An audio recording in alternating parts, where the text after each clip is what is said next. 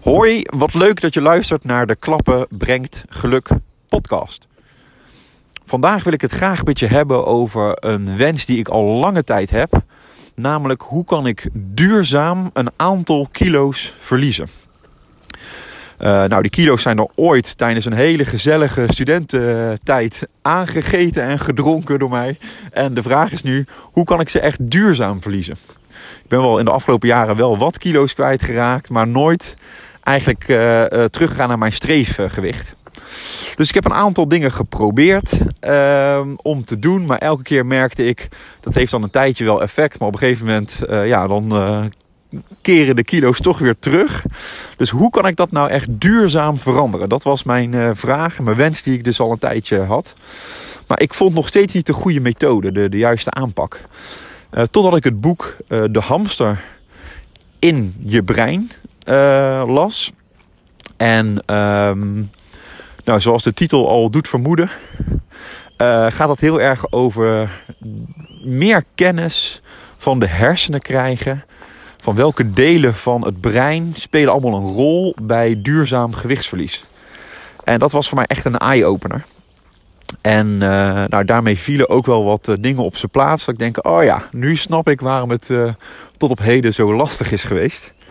En een van de dingen die ik uit dat boek heb meegenomen is uh, het inzicht dat eigenlijk in korte tijd veel afvallen niet uh, de, de slimme manier is. Dat noemen ze ook wel de crash dieet. Een crash dieet, dat je dus in korte tijd bijvoorbeeld dan, uh, 10 kilo afvalt.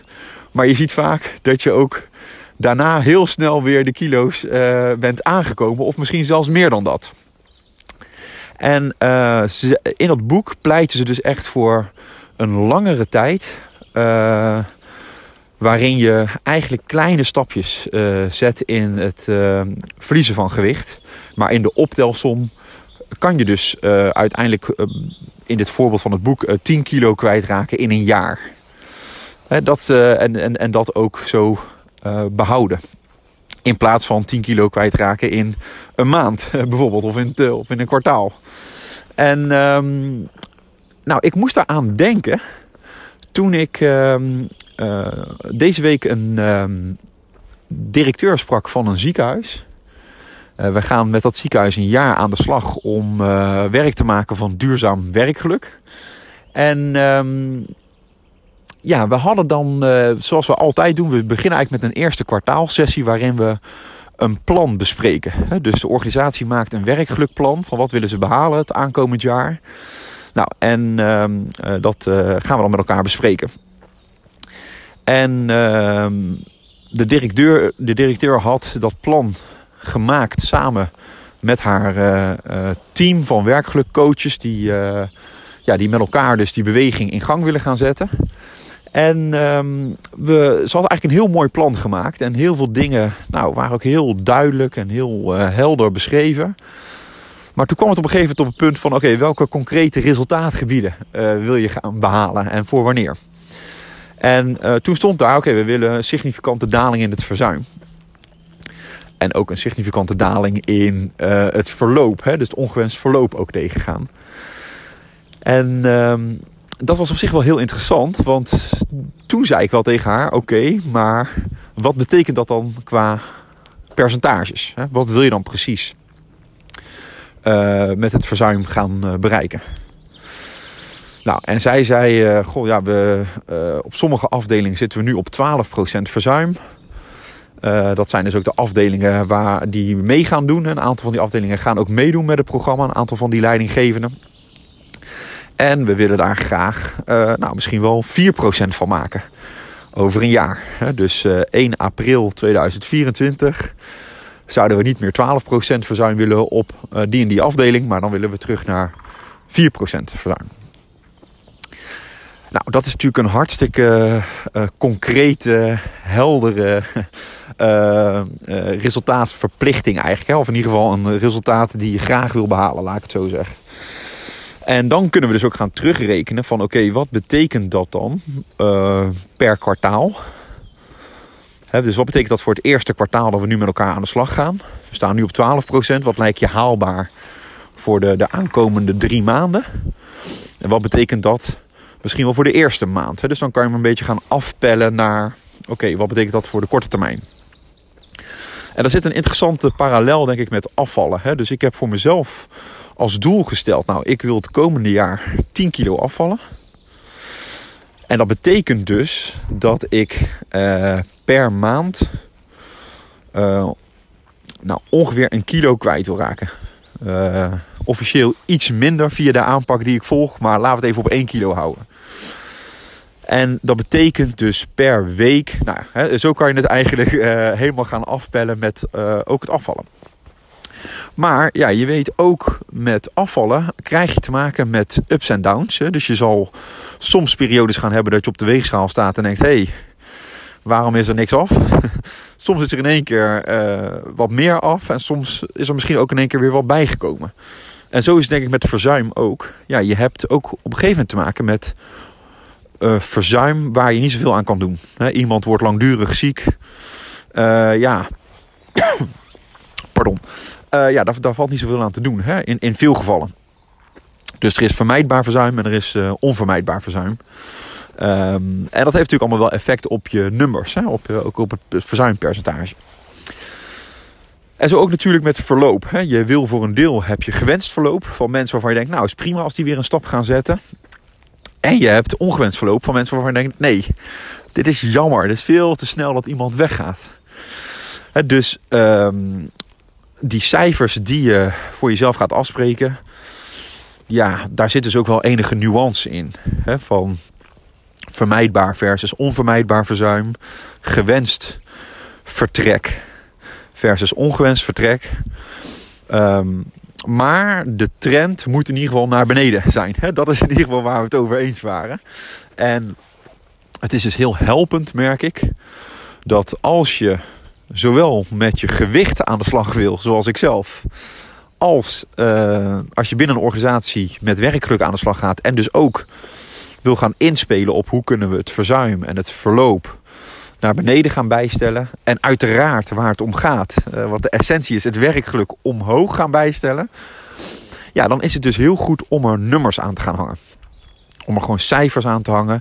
En dat niet één keer per jaar, maar eigenlijk periodiek. Hè, elk kwartaal doen wij dat met elkaar te bespreken. Van hé, hey, wat gaat goed? Wat kan beter? Waar ben je trots op? Nou, en en uh, zo uh, ja, elk kwartaal vinger aan de pols houden. Zodat we ook zeker weten dat we de goede kant op gaan. En daarbij dus ook wel ja, inbouwen dat je soms ook dingen gaat meemaken in het verzuim en in het verloop waar je niet zo heel veel aan kan doen. En dat geldt natuurlijk ook met werkgeluk. Hè? Um, de, de directeur die ik sprak was heel enthousiast. En die zei, nou het zou mooi zijn als iedereen aan het eind van het jaar ook een 9 scoort op het gebied van werkgeluk. En ook daar is de parallel wel te trekken met gewicht.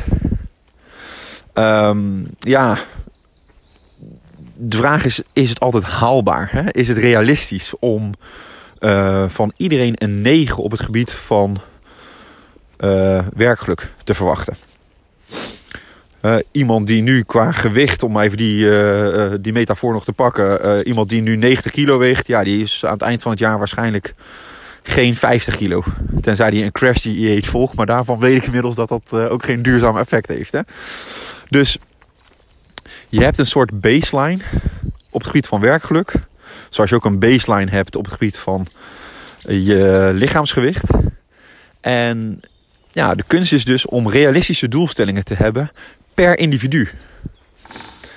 dus iedereen een 9 is niet realistisch, omdat de persoonlijkheid uh, aangeeft eigenlijk ja, wat iemands maximale bereik uh, wat betreft werkgeluk is. We weten uit verschillende onderzoeken dat een introverte persoon die wat gevoeliger is voor negatieve emoties en wat minder altruïstisch is, ja, dat die gemiddeld op een lager uh, startpunt uh, begint wat betreft werkgeluk dan de andere kant. Hè. Bijvoorbeeld een heel extravert persoon die uh, emotioneel wat stabieler is. Hè? Dus die gevoeligheid voor stress en negatieve emoties wat minder heeft. Die uh, op altruïsme. Nou, dat zijn eigenlijk, je zou kunnen zeggen, wat voorsprongen die iemand dan heeft op het gebied van werkgeluk. En zal daarmee dus wat hoger beginnen qua aanvangslevel op werkgeluk. En zo kan je eigenlijk beter ja, per persoon een plan gaan maken van hey, wat, wat zal haalbaar zijn wat betreft jouw werkgeluk. Kijkend naar je persoonlijkheidsprofiel. Dan dat je voor iedereen de lat even hoog legt we zien juist dat dat ja, ja, voor sommige mensen juist demotiverend werkt. En uh, mensen daarmee juist ongelukkiger worden. Nou, dat is nou precies, dat is nou net wat je niet wil bereiken. Dus kort samengevat, uh, wat ik graag even in deze podcast met je wilde delen is. Um, zoals ik met mijn lichaamsgewicht komend jaar aan de slag wil en zeg: uh, Nou, is het mogelijk om op 1 april 2024 10 kilo te verliezen? Uh, dat is iets wat ik voor mezelf nu als doel ga stellen. Nou, dat is gelijk een mooie stok achter de deur, want nu weet jij het ook. En kan je me er misschien af en toe even aan herinneren. Graag zelfs. um, zo is het ook heel goed als je binnen je organisatie, als je met werkgeluk aan de slag gaat, om het wel heel concreet te maken in cijfers. Van oké, wat willen we nu op het gebied van verzuim, op het gebied van verloop, op het gebied van werkgeluk, op het gebied van instroom. Nou, daar kan je dus allerlei uh, doelen, meetbare doelen voor jezelf uh, van maken. En het is dus goed om daarin ook realistisch te zijn.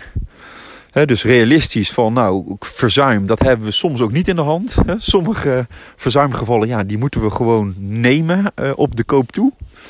Uh, soms is verloop ook heel erg gewenst. Dus dat moeten we ook meenemen in het verhaal. En werkgeluk, ja, we kunnen de lat niet voor iedereen even hoog leggen, omdat ieder zijn eigen bereik heeft. En daar zit ook een mooie link naar je lichaamsgewicht. Hè? Zo kan je het eigenlijk ook zien. Dus ja, ben realistisch in wat je wel en niet kan bereiken op het gebied van werkgeluk, afhankelijk van uh, de persoonlijkheid van iemand. Uh, nou, en ik merkte uh, toen wij het gesprek afsloten dat het heel veel energie gaf. En ook motivatie. Zoals ik dat zelf ook merk nu met afvallen. Ik denk, ja, ik wil daar echt werk van gaan maken. Uh, dat is ook hartstikke mooi als toen ik dat zag bij deze organisatie. Ja, oké, heel erg mooi. We hebben nu een heel concreet doel op het gebied van verzuim en verloop. En daar gaan we gewoon in kleine stapjes aan werken. En elk kwartaal hebben we een overleg met elkaar. En dan gaan we kijken hoe is de progressie. Dan gaan we eigenlijk op een soort um, weegschaal staan. maar dan de weegschaal van uh, verzuim en verloop en werkgeluk. Dus dat was, uh, dat was uh, nou ja, in ieder geval een uh, mooi inzicht. Misschien niet heel vernieuwend, maar ik vond het toch wel even goed om aan je te noemen. Dat, nou, hierbij de tip, als je aan de slag wil met werkgeluk, maak allereerst een goed werkgelukplan. En ehm, gaat daarin dus ook meetbare resultaten met elkaar afspreken. En evalueer dat, ik zou zeggen, periodiek, liefst ieder kwartaal. Om even te kijken, hoe staan we er nou voor? Gaan we de goede richting op? Uh, zodat we ook eventueel kunnen bijsturen. En ook de successen kunnen vieren. Hè? Dat is ook natuurlijk ontzettend belangrijk. Dat geeft je heel veel motivatie om door te gaan. Nou, hopelijk vond je dit waardevol. Uh, mocht je denken, nou, ik wil hier heel graag ook hulp bij. Van hoe kunnen we nu inderdaad met werkgeluk aan de slag en uh, verzuim en verloop uh, minimaliseren. Stuur me dan even een berichtje op LinkedIn.